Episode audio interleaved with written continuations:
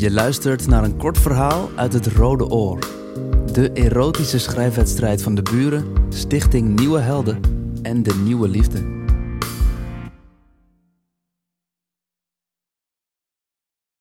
Ik laat drie bananen vallen en daarna een perzik. Een hele rijpe. Soms schrik je van een schoonheid. Doet ze je naar ademhappen. Ik raap het fruit weer op, doe het in mijn mandje en begin zenuwachtig mijn boodschappenlijstje af te werken. De andere mensen in de winkel komen opvallend rustig over, alsof ze niet doorhebben wat er speelt. Ik kies mijn route zo dat ik kriskras door de winkel ga.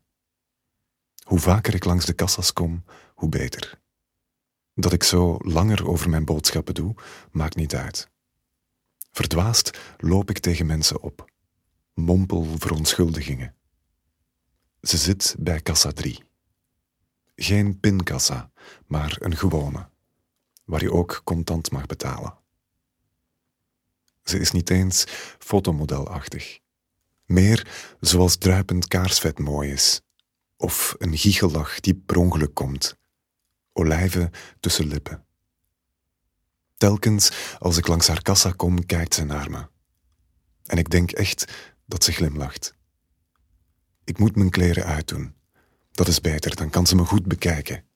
Dan laat ik mijn schoenen hier achter bij het beschuit, leg ik mijn jas naast de koekjes, mijn trui bij het brood en winkel ik door alsof er niets aan de hand is. Ondertussen pas ik mijn boodschappenlijstje zo goed mogelijk aan de situatie aan. Ik koop artikelen die ik nog nooit in huis heb gehaald. Saaie dingen laat ik liggen. Voor haar alleen de allerduurste honing. Nu nog mijn kleren uitdoen, al is het maar mijn jas. Ik winkel totdat ik niets meer kan bedenken. Ik loop richting kassa 3. Het meisje achter een andere kassa ziet me staan wachten. Haar kassa is net opengegaan en er staat nog niemand. Terwijl er voor nummer 3 zich een hele rij klanten heeft verzameld. Ik veins dat ik nog wat ben vergeten. Maak een nieuw rondje door de winkel, loop langs de koekjes, langs mijn jas en kom precies goed getimed uit bij de juiste kassa. Ik leg de boodschappen één voor één op haar band. Ik begin mijn fruit op te poetsen, goed te poetsen, zodat het zal gaan glanzen. Daar houdt ze van, dat weet ik zeker. Ik moet snel te werk gaan. Voordat je het weet, staan we oog in oog. Ze ziet mijn glanzende fruitstukken en ze likt haar lippen af. Ze wil vast wel een sappig stukje. In gedachten beweeg ik het vruchtvlees naar haar mond. Stap voor stap kom ik dichterbij.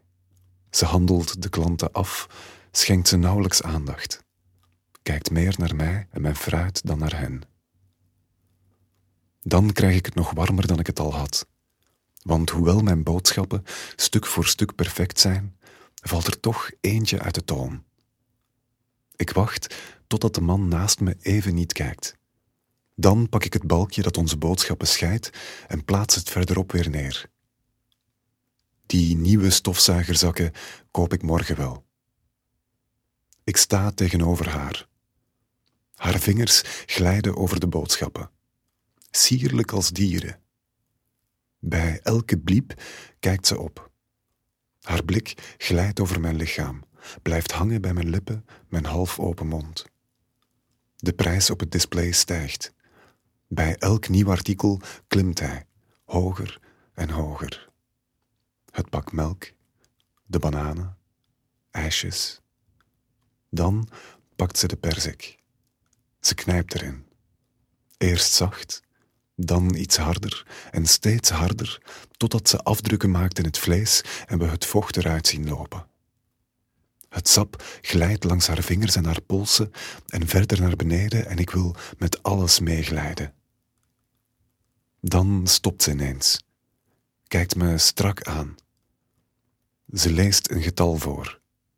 Ze vraagt: Wil je een bonnetje?